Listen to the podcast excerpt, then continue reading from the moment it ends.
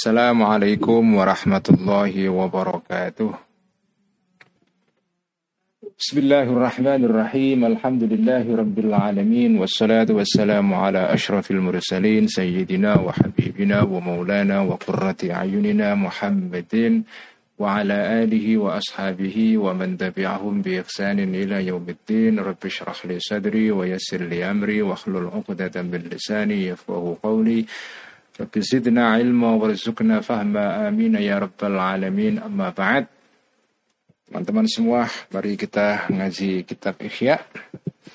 Dan mari kita mulai dengan menghadiahkan Al-Fatihah kepada muallif kitab ini. Ila hadrati ila ruhi sayyidina wa habibina Muhammadin sallallahu alaihi wasallam ila rahil anbiya wal mursalin وإلى أرواح الأولياء والشهداء والصالحين والأئمة المجتهدين والعلماء الصالحين والمؤلفين والمصنفين خصوصا روح سلطان الأولياء الشيخ عبد القادر الجيلاني والإمام السنة البغدادي وحجة الإسلام أبي حامد الغزالي والشيخ الأكبر مرشد ابن عربي والإمام الحسن الشاذلي وإلى أرواح أولياء الله تعالى في أدن السندرة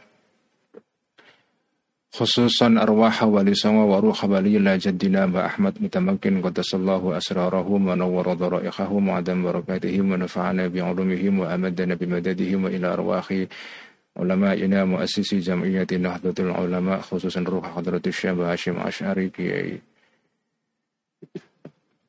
بنكالان كي وهب حسب الله كي بشي سنسوري Wahid, Gusdur Ki Asad, Ki Ahmad Siddiq, Ki Ma'asum, Ki Ali Ma'asum, Ki Abdullah Salam, Ki Isal Mahfud, Ki Bishir Mustafa, Ghafarallahu, Dhanubahum, Masyatara Uyubahum, Ya'li Terjadihim, Manufa'ana, Bi'anrumihim, Ina Arwaqi, Sa'ira Aba'ina, Wa Umahatina, Wa Ajdadina, Wa Jaddadina, Wa Masyaykhina, Masyaykhina, Masyaykhina, Wa Astuqa'ina, خصوصا روح أبيك عبد الله رفاعي وروح أمي سلمة وروح أمي فاطمة وقر الله ذنوبهم وستر عيوبهم ويعلى درجاتهم. شيء لله لهم الفاتحة. أعوذ بالله من الشيطان الرجيم. بسم الله الرحمن الرحيم. الحمد لله رب العالمين. الرحمن الرحيم. مالك يوم الدين. إياك نعبد وإياك نستعين. اهدنا الصراط المستقيم. صراط الذين أنعمت عليهم غير المغضوب عليهم ولا الضالين. آمين. بسم الله الرحمن الرحيم. قال المؤلف رحمه الله تعالى وأدام النفع به وبعلمه في الدارين آمن رب يسر وأعن. Kitab Ikhya halaman 56 jilid ke-6 ya edisi Darul Minhaj. Jilid 6 halaman 56 edisi Darul Minhaj. Kita masih membahas ya kitab yang judulnya kitab di dalam kitab Ihya. Jadi kitab Ihya itu kitab ya. Di dalamnya ada sub-sub kitab ya. Ada 40 kitab di dalam kitab Ihya. Jadi kitab Ihya itu seperti bunga rampai sebetulnya ya. Seperti negara federal ya, di dalamnya ada negara-negara bagian. Jadi Ihya itu negara negara kesatuan ya di dalamnya ada provinsi-provinsi yang jumlahnya itu ada eh? tes spesiesnya gimana? Sudah saya anu setel sebetulnya ya. Udah hidup ini.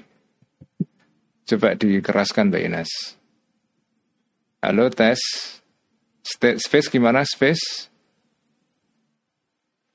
Tes space-nya bagaimana?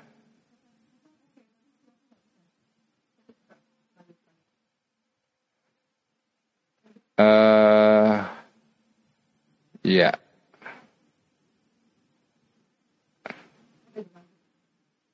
Mas Oton kirim WA ke Mbak Admin coba.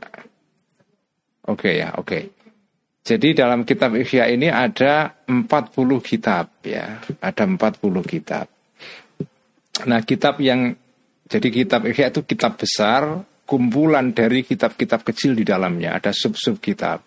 Nah, kitab yang sedang kita baca di sini kitab mengenai Dhammud Dunya, ya, kitab tentang mengkritik kekayaan, ya, saya menerjemahkannya sebagai kritik atas kekayaan, kritik of wealth ya, kritik atas kekayaan. Karena dunia itu pada intinya ya ya kekayaan ya. Kekayaan dan dan apa namanya dan hal-hal lain yang muncul karena ada kekayaan itu. Karena tapi basisnya dunia itu kan kekayaan wealth kekayaan ya. Dari kekayaan itulah muncul macam-macam ya rumah kendaraan pakaian gedung-gedung uh, macam-macam ya. Ya itulah itulah dunia jadi basis dunia itu adalah sebetulnya ya kekayaan Nah, kitab yang kita baca ini tentang kritik mencela kekayaan. Ya, kekayaan itu sesuatu yang kita perlukan di dunia ini, tetapi jangan dijadikan sebagai ultimate goal, ya, tujuan utama. Dan karena watak manusia itu selalu menganggap dunia itu sebagai pusat perhatian, ya. Ada orang yang terus terang mengatakan bahwa pusat kehidupannya seluruhnya untuk dunia. Ya, ada yang yang terus terang mengatakan begitu.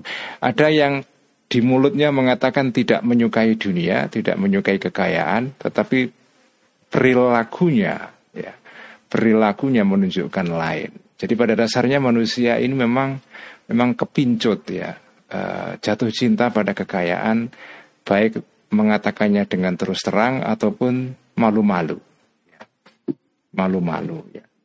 Nah karena itu karena itu kita harus menanamkan. Jadi kitab yang kita baca ini sebetulnya kalau kita baca secara keseluruhan ya intinya kitab ini eh, ditulis oleh Al Ghazali ya untuk menanamkan kesadaran kepada kita semua orang orang beriman ya bahwa kita harus punya kemampuan mengkritik kekayaan. Ya. Kita butuh kekayaan, tapi harus juga kritis kepada kekayaan itu. Karena itu dalam kitab ini kita membaca pembahasan ya di dalam kitab Buddham dunia ini yaitu bayanu sifati dunia bil amthila. kita akan diberikan gambaran dunia itu seperti apa. Nah, minggu yang lalu kita baca ya dunia itu dianalogikan, diserupakan, disepadankan dengan azillu, ya. Azil yaitu seperti bayangan, ya, bayangan. Uh, shadow, ya, bayangan yang yang kelihatannya berhenti, tenang, tapi pada dasar, pada dasarnya itu bergerak ya. Sakinun mutaharrikun. Jadi uh, dunia itu kelihatannya itu stabil ya. Jadi berhenti itu atau atau berhenti tenang itu hanya stabil. Kelihatannya dunia itu memberikan rasa security, ketenangan kepada kita. Stabil itu. Tetapi pada dasarnya dia itu mutaharik bergerak. Bergerak apa ya? Bergerak pelan-pelan dia berubah dari kekayaan itu semula apa ya memberikan kegembiraan kepada kita pelan-pelan kemudian menimbulkan kesedihan. Ya. Jadi kekayaan itu kelihatannya menimbulkan rasa aman tapi pada dasarnya dia juga bisa menimbulkan kecemasan. Jadi kelihatannya tenang tapi bergerak itu. Nah sekarang kita teruskan. Walamma dzukiratid dunya indal Hasanil Basri rahmatullahi alaihi ansyada. Walamma dzukirat dan ketika disebutkan dunia dunia indal Hasanil Basri di hadapan Imam Al Hasan Al Basri ini imam besar ya uh, dan pengaruhnya luar biasa sehingga sehingga banyak orang-orang muslim itu menamai anaknya Hasan Basri. Salah satu ketua umum MUI dulu pada zaman Orde Baru itu adalah Kiai Hasan Basri. Ada yang mengatakan Hasan Basri, ada Hasan Bisri, ya. Uh, ini ulama besar, ya. Ulama besar. Walamma dan ketika disebut ad-dunya dunia indal Hasanil Basri di hadapan Al Hasan Al Basri rahmatullahi alaihi ansyada. Ansyada maka kemudian kalau bahasa Sundanya ngadendangkan maka melagukan artinya bersyairlah Hasan Al Basri ini syairnya ini. Ahlamu naumin au kazillin zaili Innal labiba bimithliha la yukhda'u Ini baharnya atau tembangnya namanya tembang kamil ya Dalam bahasa Arab itu ada banyak tembang lagu ya. Ada 16 tembang utama, salah satunya ada tembang namanya Al-Kamil ya. Yang lagunya kalau menurut tradisi pesantren uh, eh, NU ya, itu seperti ini. Ahlamu naumin au kazillin zaili Innal labiba bimithliha la yukhda'u ahlamu naumin. Dunia itu adalah ahlamu naumin. Ay ad-dunya ahlamu naumin. Jadi ini khobar mubtada'nya di dibuang, dihilangkan yang kalau dimunculkan, ditakdirkan maka ahlamu naumin ay ad-dunya ahlamu naumin. Dunia itu seperti mimpi-mimpinya tidur, seperti mimpi. Aukazilin zailin atau dunia itu diserupakan dengan bayang-bayang zailin yang akan hilang. Innal labiba sesungguhnya orang yang cerdas bimithliha dengan sepadannya dunia la yukhda'u itu tidak akan ditipu, tidak akan tertipu orang yang cerdas itu. Karena dia hanya seperti bayang-bayang yang cepat atau lambat akan hilang. Tidak pernah ada bayang-bayang itu yang yang langgeng. Itulah itulah analogi atau tamsilnya dunia. Wakana dan ada Al Hasan bin Aliyin Imam Hasan ibn Ali ibn Abi Talib ya ini saudaranya Imam Husain salah satu anaknya Sayyidina Ali yang terkenal adalah Husain tetapi kakaknya itu namanya Al Hasan ibn Ali ya. Uh, memang kalah populer dengan adiknya Husain ya. Wakana dan ada Al Hasan bin Ali yang Hasan ibn Ali bin Abi Thalib cucunya Abi Thalib ya.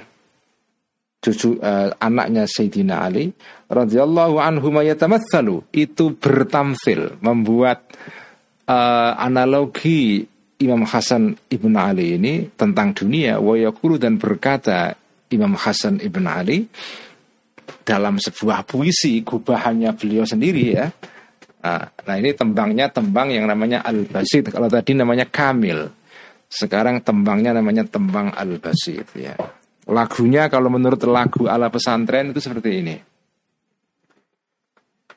Ya ahla ladzati dunyan la baqa alaha Inna ghitiraran bi zillin zailin khumquh Ya ahla ladzati dunya la maqa la baqa alaha Inna ghitiraran bi dhillin zailin humku Ya ahla ladzati dunya Wahai orang-orang yang menyukai kesenangan-kesenangan dunia. La baqa'a tidak ada kelanggengan itu maujud laha bagi lazat lazatnya dunia. Inna ghtiraran sesungguhnya tertipu Bizillin dengan bayang-bayang Zailin yang akan hilang Iku humkun adalah sebentuk kebodohan. Ini syair gubahan Imam Hasan uh, Imam uh, Al-Hasan ibn Ali ibn Abi Thalib Jadi tertipu dengan bayang-bayang yang pada akhirnya akan hilang Itu adalah kebodohan jadi kalau ada orang kok menghabiskan seluruh umurnya untuk dunia, tidak berpikir tentang kehidupan yang abadi, itu ya kebodohan pada dasarnya. Ini kan kritik kepada dunia, kritik kepada kekayaan.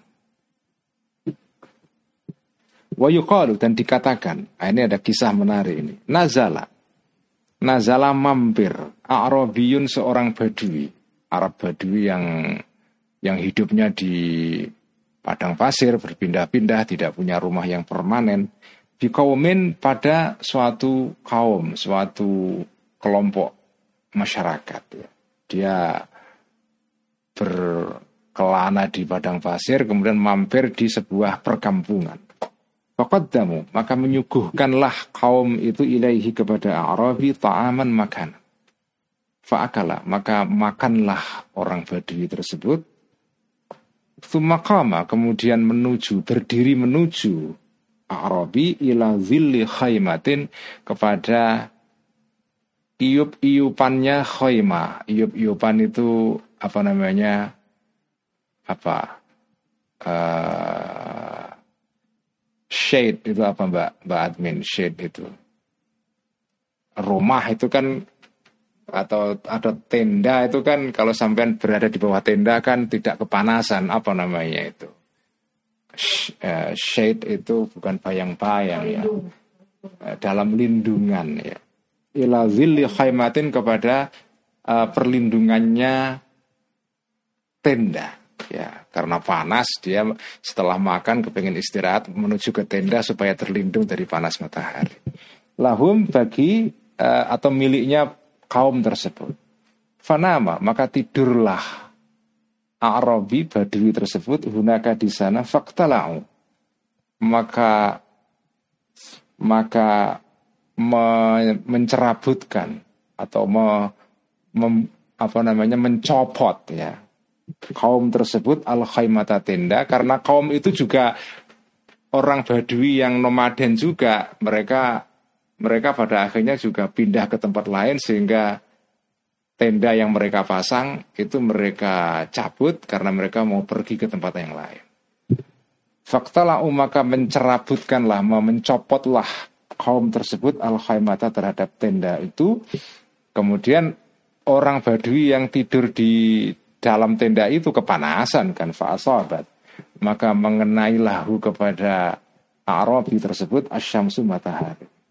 Begitu matahari terik sekali ya langsung mengenai orang Badui tersebut kepanasan fantabaha.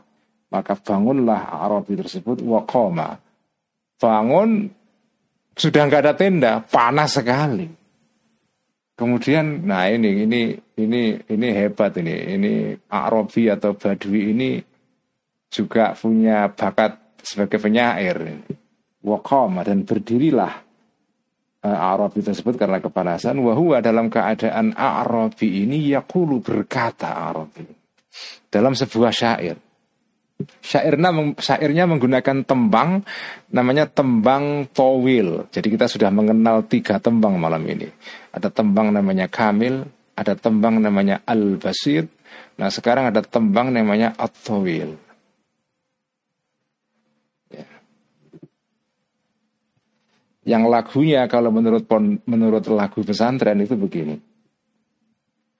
Ala innamad dunya kazillin banaitahu wala budda yawman an nazillaka zailu Ala innamad dunya kazillin banaitahu wala budda yawman an nazillaka zailu ini kalau bahar atau tembang towil kalau tembang basit tadi lagunya Ya ahla ladzati dunyan la baqa'alaha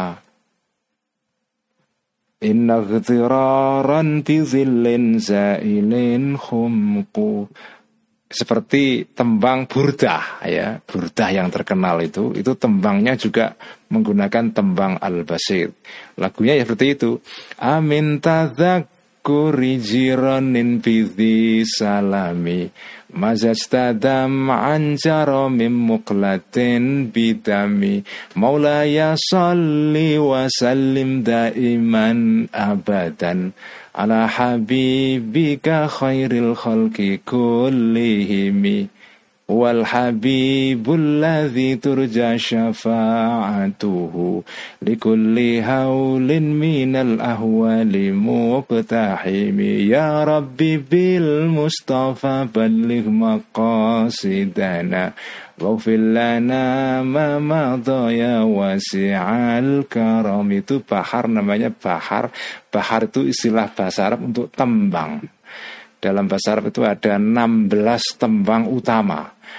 Kemudian juga ada tembang-tembang lain yang berkembang belakangan. Tapi tembang utama yang dikembangkan oleh para penyair Arab klasik sebelum Islam, ya, itu mereka mengembangkan mengembangkan 16 tembang utama. Yang ini merupakan tembang standar dalam seluruh syair-syair Arab klasik, ya. Yang paling terkenal itu tadi itu tiga itu Bahar Basit itu paling terkenal, Towil, Kemudian Kamil itu ya sedikit kurang terkenal ya. Kemudian ada Bahar yang ada tembang yang sering dipakai untuk uh, syair-syair yang digunakan dalam konteks pendidikan. Itu namanya Bahar Rojas ya. Bahar Rojas itu bahar yang yang enak untuk di apa ya ditembangkan dengan cepat ya. Qala Muhammadun huwa ibnu Maliki Ahmadu Rabbillah khaira maliki Musalliyan ala nabiyil Mustafa Wa alihil mustakmili nasyarafa Itu Alfiyah ibnu Malik ya Bentuknya cepat itu ya. Biasanya kalau orang Arab menggunakan Bahar Rojas itu untuk lagu-lagu yang mirip kalau di kita ya Mars gitu lah ya Mars itu kalau Bahar Basit Towil ini anu uh, apa ya santai gitu. Amin tadzakuri jiranin pithi salami masa setada manjara mim muklatin bidami sambil naik unta di tengah padang pasir uh, apa sih uh, melakukan itu. Dan ini menarik di dalam tradisi Arab itu unta itu kalau di dinyanyikan ya oleh orang yang menaikinya ya dengan lagu-lagu itu dia senang sekali. Semula dia lemas itu kalau ditembangkan begitu langsung wah terengginas semangat itu ya. Aminta Maulaya salli wa sallim daiman abadan ala habibika khairil khalqi kulli ya itu jalannya jalan ya gigi dua gigi tiga pelan-pelan ya agak cepat ya. Kalau Muhammadun huwa ibnu Maliki Ahmadu Rabbillah khaira maliki musallian ala nabiyil Mustafa wa alihil mustaqmilina syarafa. Agak cepat. Jadi kalau kepengen membuat ontanya gigi empat ya pakai itu. Pakai bahar rojas ini. Ada yang cepat dan semangat namanya bahar mutakarib ya. Anil mutaqaribi qala al-khalilu fa'ulun fa'ulun fa'ulun fa'ulu Anil mutaqaribi qala al-khalilu Wah itu kan kayak kalau pakai terbangan gitu itu kayak Mars yang penuh dengan semangat itu. Ah kalau di dinyanyikan Bahar Mutakarib, tonta itu makin cepat lagi larinya itu. Nah, begitulah tradisi Arab itu. Nah, Bahar ini uh, harus dikuasai oleh orang-orang yang membaca kitab-kitab klasik. Kalau enggak, siapa enggak tahu dan enggak tahu cara melakukannya. Ya. Nah di pondok-pondok pesantren itu ada ilmu khusus yang diajarkan untuk me me menembangkan dan mempelajari bentuk-bentuk syair Arab klasik ini. Namanya ilmunya itu ilmu arut wal qawafi. Ya. Ilmu arut dan qawafi uh, itu ilmu yang dulu zaman saya sekolah di pesantren mondok tahun ya 80-an itu masih diajarkan. Sekarang ini ilmu ini sudah makin kurang diajarkan di pesantren ya. Saya kemarin waktu berkunjung ke pondok pesantren situ Bondo di Asem Bagus, pondok uh, Salafiyah Syafi'iyah Asem Bagus situ Bondo saya tanya apakah ilmu arut dan kawafi ini masih diajarkan enggak? Agak berkurang sekarang, agak berkurang. Ya karena nggak sabar lagi anak-anak sekarang ini kan maunya serba cepat instan ya. Belajar ilmu seperti ini itu di era WhatsApp, Facebook, Instagram itu aduh udah nggak sabar itu. Orang maunya itu langsung jumping ya. Langsung loncat ke hasil akhir itu ya hasilnya apa gitu Wong ilmu kok nggak langsung ada hasilnya nggak usah gitu. nah itu kalau mindset anak-anak sekarang itu ya nah, kalau dulu zaman saya mondok itu ya karena nggak ada WA nggak ada Facebook nggak ada Instagram jadi kita nggak punya pekerjaan lain kecuali belajar itu jadi ilmu apa waktu itu seluruhnya untuk kita pakai belajar sehingga waktu itu berlimpah-limpah itu. Waktu itu lebih-lebih ya. Jadi kita punya waktu banyak untuk belajar tentang ilmu arut ya. Ilmu falak, astronomi ya. ada ilmu tentang apa namanya balaghah, ilmu tentang bagaimana kita bisa menyampaikan pidato yang indah itu ya, tulisan yang sastrawi ya, itu ilmu balaghah itu juga ada. Itu semua dipelajari dengan pelan-pelan gitu ya, sabar gitu. Enggak gigi mongso, enggak gerusa-gerusu. Gitu. Karena kita hidup di di zaman yang masih alon-alon waton kelakon itu era tahun 60-an, 70-an, 80-an. Sekarang kita hidup di era yang berbeda. Kita hidup di era yang menurut sosiolog Inggris yang terkenal ya, Anthony Giddens menyebutnya sebagai runaway world ya, dunia yang tunggang langgang dunia yang berat seperti hewan yang berat itu apa? Lari kencang sekali itu itu runaway world ya. Runaway world. Dunia yang lari tunggang langgang. Nah, itulah dunia di mana kita hidup saat ini. Nggak ada lagi itu kesabaran bagi orang-orang sekarang untuk mempelajari hal-hal yang tidak langsung kelihatan manfaatnya. Ilmu arut gopo ya. untuk apa apa itu ilmu arut.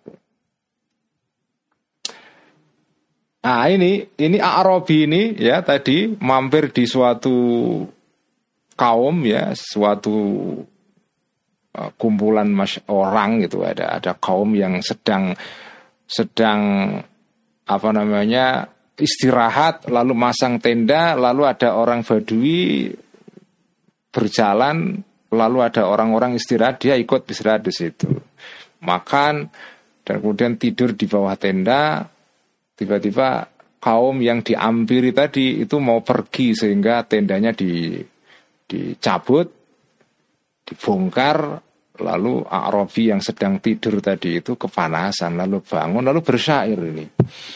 Syair dari bahasa syair syairnya dari Bahar Bahar Tawil. Ala innamad dunya kazillin banaitahu wala buddha yauman an nazillaka zailu. Ala ingatlah.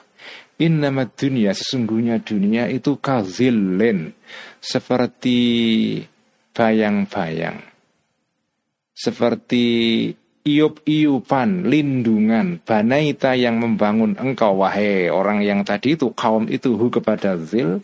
Seperti tenda yang sampean pasang kemudian orang tinggal di situ merasakan kenyamanan karena tidak kepanasan.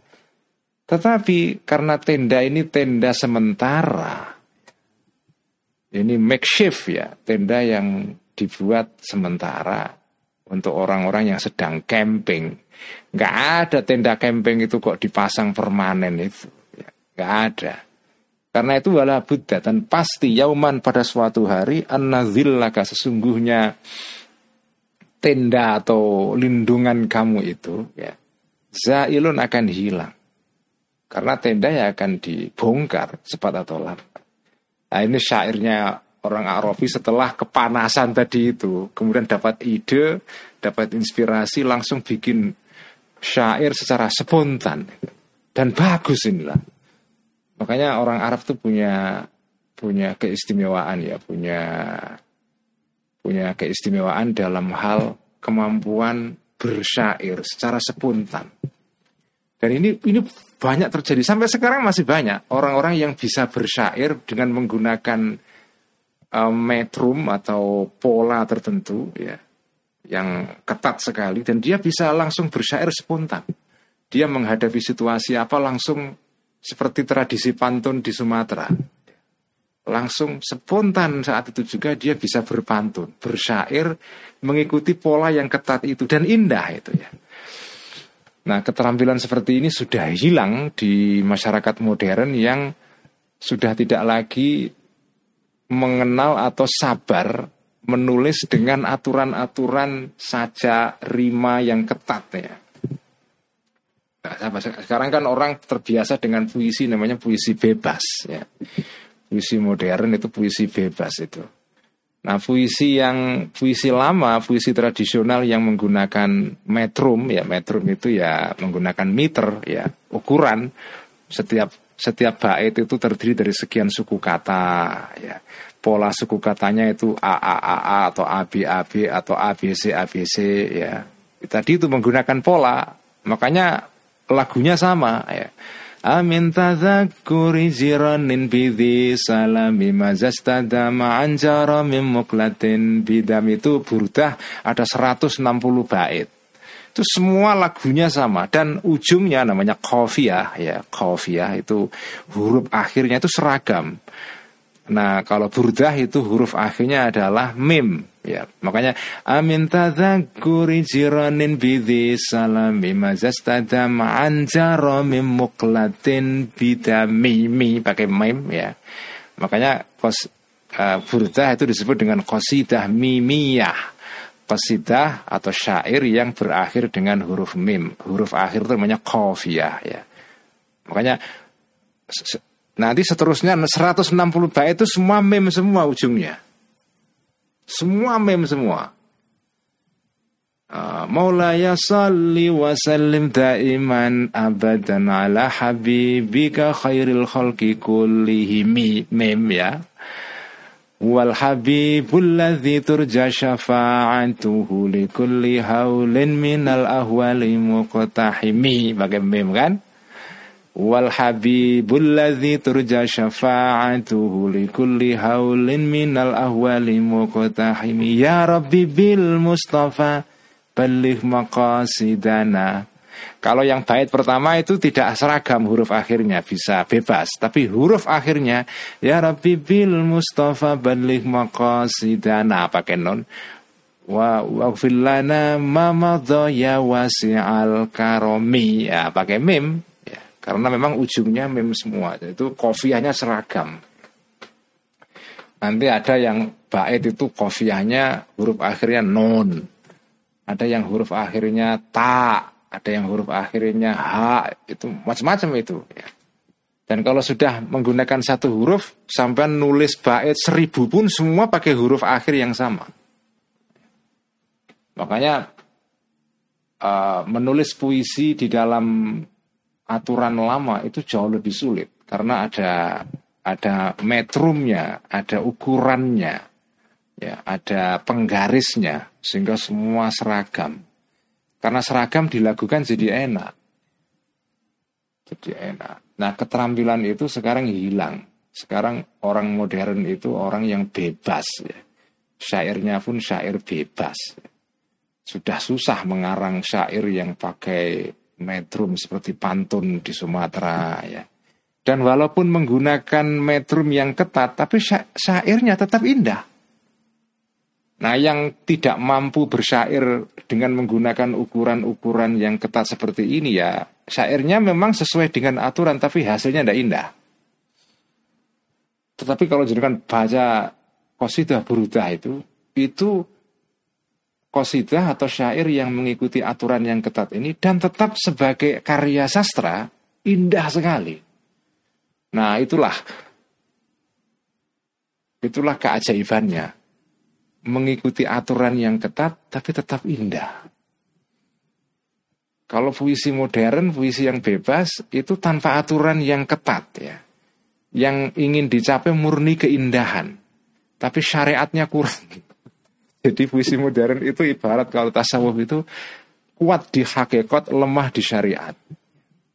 Kalau puisi-puisi tradisional yang berhasil ya, yang indah seperti Burda itu, hakikatnya dapat, keindahannya, syariatnya juga dapat. Nah, dalam Islam itu jenengan diharapkan sebagai orang muslim itu seperti puisi tradisional. Syariatnya jalan, fikihnya jalan, tasawufnya, hakikatnya, intinya agama juga dapat itu. Itu kalau jenengan bisa menggabungkan antara syariat dengan hakikat, antara aturan yang ketat dengan keindahan, oh itu akan lahir sebagai manusia yang indah, sebagai al-insanul kamil, manusia sempurna seperti kanji Nabi Muhammad Sallallahu Alaihi Wasallam. Wakadzalika dan sebagaimana syairnya Arafi ini gila dikatakan ya. Eh, ini tidak diketahui siapa penyairnya ya. Tetapi syair ini juga tentang kritik atas dunia. Baharnya sama, tembangnya bahan, tembang towil ya. Bunyinya wa innam ra'an dunyahu akbaru hammihi lamustamsikun minha bihabli hururi ini Bahar Tawil ya. Wa innam ro'an dan sesungguhnya seseorang.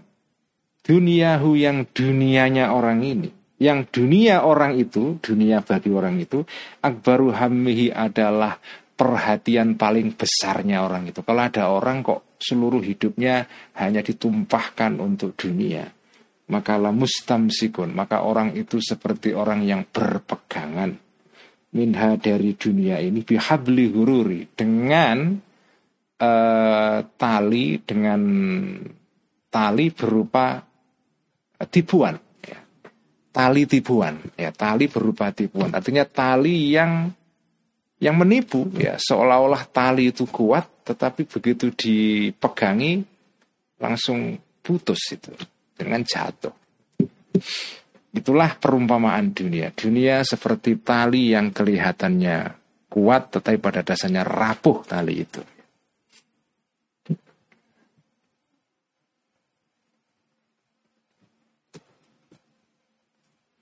Misalun akhar, contoh atau misal yang lain tentang dunia. Ad-dunia. Dunia min haitsu dari sudut uh, ketertipuan tiha dengan dengan hayal-hayalnya dengan tipuan tupia tipu tipuan-tipuannya dunia. Fumal iflasu kemudian bangkrut ya. Minha dari dunia ini ba'da iflatia setelah kehilangan dunia. Orang yang dapat dunia karena tertipu dengan tipuan dunia atau tidak dapat dunia sama sekali lalu bangkrut ya itu tushbihu seperti menyerupai khayalatil manami terhadap menyerupai apa? Khayalatil manami khayal-khayalnya mimpi-mimpinya tidur. Wa adghathal ahlami dan kembang-kembang mimpi kembang-kembang tidur. Jadi intinya dunia itu seperti mimpi. Kala bersabda Rasulullah Rasulullah Shallallahu Alaihi Wasallam, Ad-dunia uh, sabda kanjeng Nabi bunyinya ini ad-dunya hulmun atau hulumun. Ya bisa dibaca hulmun atau hulumun jamaknya ahlamun. Ad-dunya dunia itu hulmun seperti mimpi. Mimpi. Wa ahluha sementara orang-orang yang mencintai dunia itu alaiha terhadap dunia ini mujazuna ada orang-orang yang diberikan pahala nanti karena berhasil apa namanya menjauhi dunia wa mu'aqafuna dan disiksa orang-orang itu karena tertipu pada dunia lalu menggunakan dunia secara salah ya. dunia itu seperti mimpi orang-orang yang mencintai dunia ada kalanya dia tepat menggunakan dunia sehingga dapat pahala atau salah menggunakan memanfaatkan dunia dapat siksa. Wakala dan berkata Yunus bin Ubaidin. Yunus bin Ubaid ini seorang tabi'in ya. Dalam dalam kitab Tarajum disebut sebagai Sihorut Tabi'in. Tabi'in generasi yang setelah sahabat ya. Jadi generasi Islam awal itu ada generasi sahabat yang pernah melihat kanji Nabi generasi setelah sahabat namanya tabi'in tidak pernah melihat kanjeng Nabi tapi melihat orang yang pernah melihat kanjeng Nabi. Dan tabi'ut tabi'in orang yang melihat tabi'in orang-orang yang pernah melihat orang-orang yang melihat kanjeng Nabi. Ya. nah tiga generasi pertama ini hidupnya uh, dari abad ke satu hijriah sampai abad ketiga. Atau ya ketiga tahun 200-an jadi sahabat tabi'in, tabi'ut tabi'in. 300 pertama dalam sejarah Islam. Itu generasi yang disebut sebagai generasi terbaik. Yang dalam istilah bahasa Arab sering disebut dengan generasi salaf. Ya. Lalu ada gerakan namanya gerakan salafi. Gerakan yang mengklaim bahwa mereka ini pengikut tiga generasi awal dalam Islam ini. disebut sebagai orang-orang salafiyun ya. Mereka merasa paling hebat karena mengikuti tiga generasi awal dalam Islam ya. Untuk membedakan dengan kelompok lain yang tidak salafi. Ya. Yang itu sebetulnya ya keliru. Ya. Keliru itu. Nah itu soal lain nanti kita bahas tempat lain. Jadi Waqala dan berkata Yunus bin Ubaid dan Yunus bin Ubaid. Apa kata dia? tu nafsi fid dunya illa karajulin tu tidak menyerupakan aku nafsi diriku fid dunia dalam hal dunia illa karajulin seperti kecuali seperti seseorang. Ya laki-laki tapi artinya di sini ya laki-laki dan perempuan. Nama yang tidur orang ini. Jadi hubungan antara manusia dengan dunia itu seperti orang yang tidur. Para maka melihatlah orang ini fi mana mihi di dalam tidurnya orang tersebut ma mimpi-mimpi yakrohu yang benci orang ini. Ya orang mimpi kan ada mimpi buruk ya mimpi buruk apa namanya nightmare ya mimpi buruk. Wama dan mimpi yuhibbu yang menyukai orang ini kepada mimpi tersebut. Jadi mimpi itu ada mimpi buruk ada mimpi baik. Nah, fabainama huwa, maka ketika orang ini tidur itu atau fabainama huwa maka ketika orang itu kaidzalika seperti itu, seperti itu artinya tidur, izin tabah dumadaan, ujuk-ujuk bangun orang tersebut. Orang lagi mimpi enak-enak, ya, lagi mimpi sedang nikah, eh tiba-tiba bangun dan baru sadar dirinya masih jomblo. Wah, kecewa banget kan. Ada orang yang mimpi buruk ya. Tiba-tiba di tengah-tengah mimpi buruk bangun. Ketika bangun masih ketakutan. Nah, itulah perumpamaan orang dalam dunia. Dunia itu seperti orang di dunia itu seperti bermimpi. Apa artinya? Ya namanya mimpi itu pasti sebentar saja. Nggak ada orang kok mimpi itu berjam-jam itu tidak ada itu. Sampean itu ya, sampean buktikan sendiri aja lah. Mimpi yang mimpi yang perasaan sampean itu panjang sekali. Panjang ya. Mengalami peristiwa yang panjang sekali. Tapi itu sejatinya itu terjadi hanya dalam beberapa detik saja itu, ya kan? Nggak ada orang bermimpi satu jam itu nggak ada itu, nggak ada, nggak ada. Ya. Bahkan bermimpi 10 menit aja itu tidak ada. Ya, mimpi itu paling beberapa detik saja. Tapi dalam beberapa detik itu sampai merasa seolah mengalami peristiwa yang panjang sekali. Ah, begitulah orang yang hidup di dunia ini. Kelihatannya itu panjang sekali, ada peristiwa ini, itu macam-macam. Wah, udahlah. Orang hidup ini kan mengalami banyak peristiwa. Tapi kalau jenengan lihat dari sudut akhirat, orang di dunia ini itu seperti sak kedipan saja. Wa ma huwa illa kalam khil basar. Jadi sedikit sedetik aja, sedetik dua detik. Walaupun perasaannya lama. Perasaannya lama, tapi sebentar sekali. Maka dalika maka seperti itulah seperti orang yang tidur tadi an-nasu manusia manusia itu niamun. Mereka itu niamun tidur. Fa'idhamatu maka jika mati orang-orang itu intabahu baru bangun orang tersebut. Ini, ini di, dikutip dari hadis ini ya. An-nasu niyamun fa'idhamatu intabahu. Ini kutipan bagus sekali ya. An-nasu niyamun fa'idhamatu intabahu. Manusia itu pada dasarnya tidur. Begitu mati bangun dia. Jadi bangunnya orang itu pada saat orang itu mati. Ini hadis ya yang luar biasa maknanya. Sehingga memukau seorang ahli Islam dari Jerman. Ada seorang perempuan dari Jerman yang mempelajari, mengkaji tasawuf dalam Islam dan sastra tasawuf dalam Islam ya. Orientalis besar yang sangat mencintai Islam meskipun dia ya bukan Muslim tapi mencintai Islam luar biasa namanya Anna Marie Schimmel.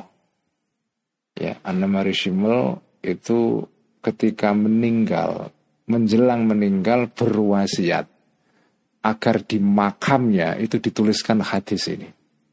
Nasuniyamun matu intabahu. Dan sampai sekarang ada itu tulisannya di dengan bisa cek di Google itu ya. Anna Marie Schimmel ini sarjana besar Jerman perempuan ahli tasawuf dan ya kalau dia masuk Islam langsung jadi wali itu. langsung jadi wali itu ya. Luar biasa itu bukunya tentang menghormati kan tradisi menghormati kanji Nabi ya itu luar biasa kalau jenengan kepingin membaca bagaimana umat Islam dari abad ke abad itu merawat tradisi mencintai kanji Nabi entah melalui ziarah kubur menulis syair menulis kaligrafi yang indah membuat arsitektur semua sebagai ungkapan kecintaan kepada kanji Nabi itu ditulis dalam bukunya Anne-Marie Schimmel yang terkenal kalau nggak salah judulnya The Veneration of Muhammad atau tradisi menghormati Muhammad di dalam sejarah Islam. Ya. Di situ ada cerita mengenai Maulid Nabi. Makanya ini buku yang paling pas dibaca pada saat bulan Maulid sekarang ini. Ini sudah di ujung bulan Maulid ini ya. Nah itu itu wah luar biasa itu Anna Marie Schimmel. Nah, itu itu dia berwasiat menjelang wafat kalau dia wafat mati tolong di makamnya dituliskan hadis ini Anna suniyamun faida matu intabahu. Manusia itu tidur kalau sudah mati bangun. Jadi kematian itu adalah kebangunan itu. Ini kan paradoks ya. Sebagian orang mengatakan kematian itu akhir, tapi kalau di mata para sufi-sufi kematian itu justru awal sesuatu. Itu baru the beginning, bukan the end. Ya. Itu baru the beginning. Itu awal jenengan bangun itu ya di situ. Selama di dunia ini, ini mimpi semua ini. Ya. Mimpi semua ini. Mimpi semua ini. Faidan maka tiba-tiba laisa tidak ada biaidihim di tangan mereka mereka ini manusia syai'un sesuatu sedikit pun hilang ke, kepemilikan yang semula mereka miliki saat tidur itu hilang semua. Ya sama lah dengan kalau tidur mimpi seolah-olah punya deposito satu miliar, oh seneng banget pada saat mimpi punya deposito satu miliar. Mimpi begitu bangun tidak ada lagi itu deposito itu. Mimma sesuatu tadi mimma dari sesuatu rokanu yang condong orang-orang tersebut ilahi kepada ma wa farihu dan gembira orang-orang itu bi terhadap ma tersebut. Wakila dan dikatakan li hakimin kepada seorang bijak. Ayu syai'in asbahu bid dunia. Ayu syai'in perkara apakah asbahu itu lebih menyerupai bid dunia dengan dunia terhadap dunia. Apa tamsil yang paling cocok buat dunia ini? Qala berkata orang bijak tersebut ahlamun naimi. Analogi yang paling pas untuk dunia itu adalah ahlamun naimi, mimpi-mimpinya orang-orang yang tidur.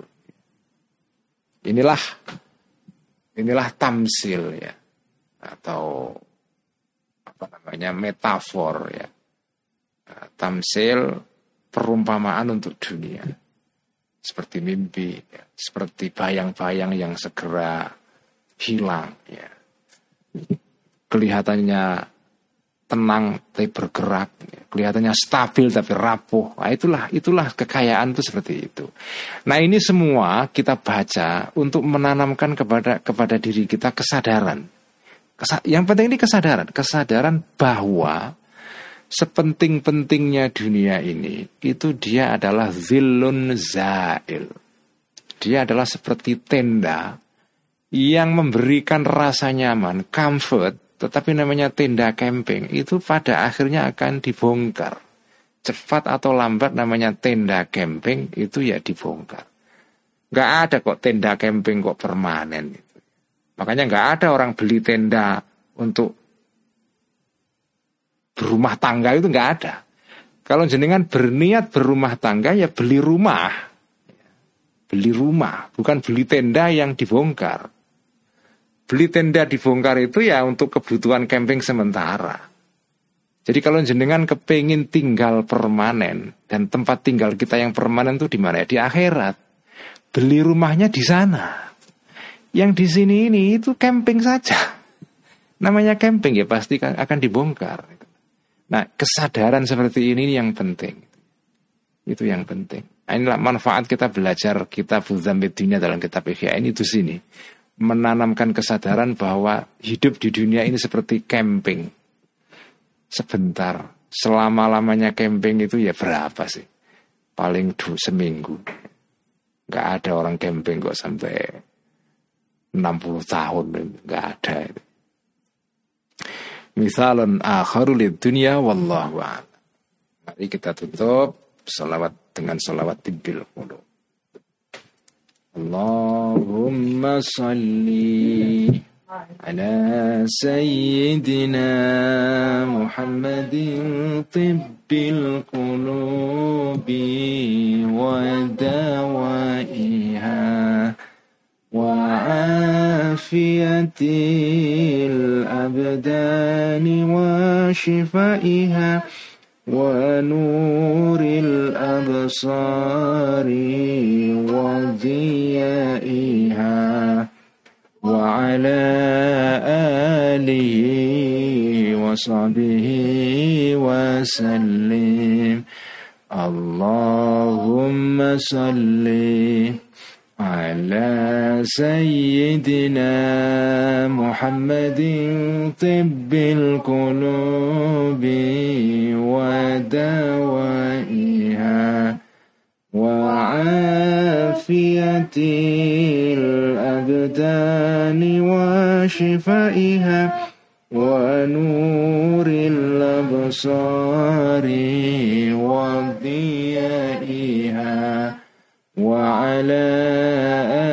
آله وصحبه وسلم.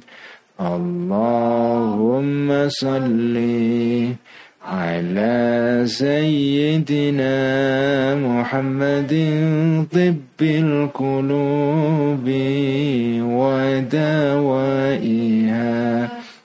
وعافية الأبدان وشفائها ونور الأبصار وضيائها وعلى آله وصحبه وسلم Sekian, Assalamualaikum warahmatullahi wabarakatuh. Sampai ketemu lagi teman-teman di malam Selasa dan malam Rabu minggu depan ngaji kitab Al-Iqtisad fil I'tiqad karya Al-Ghazali juga dalam bidang akidah. Sampai ketemu lagi malam Senin dan malam Selasa jam 8 sama uh, seperti biasa. Terima kasih.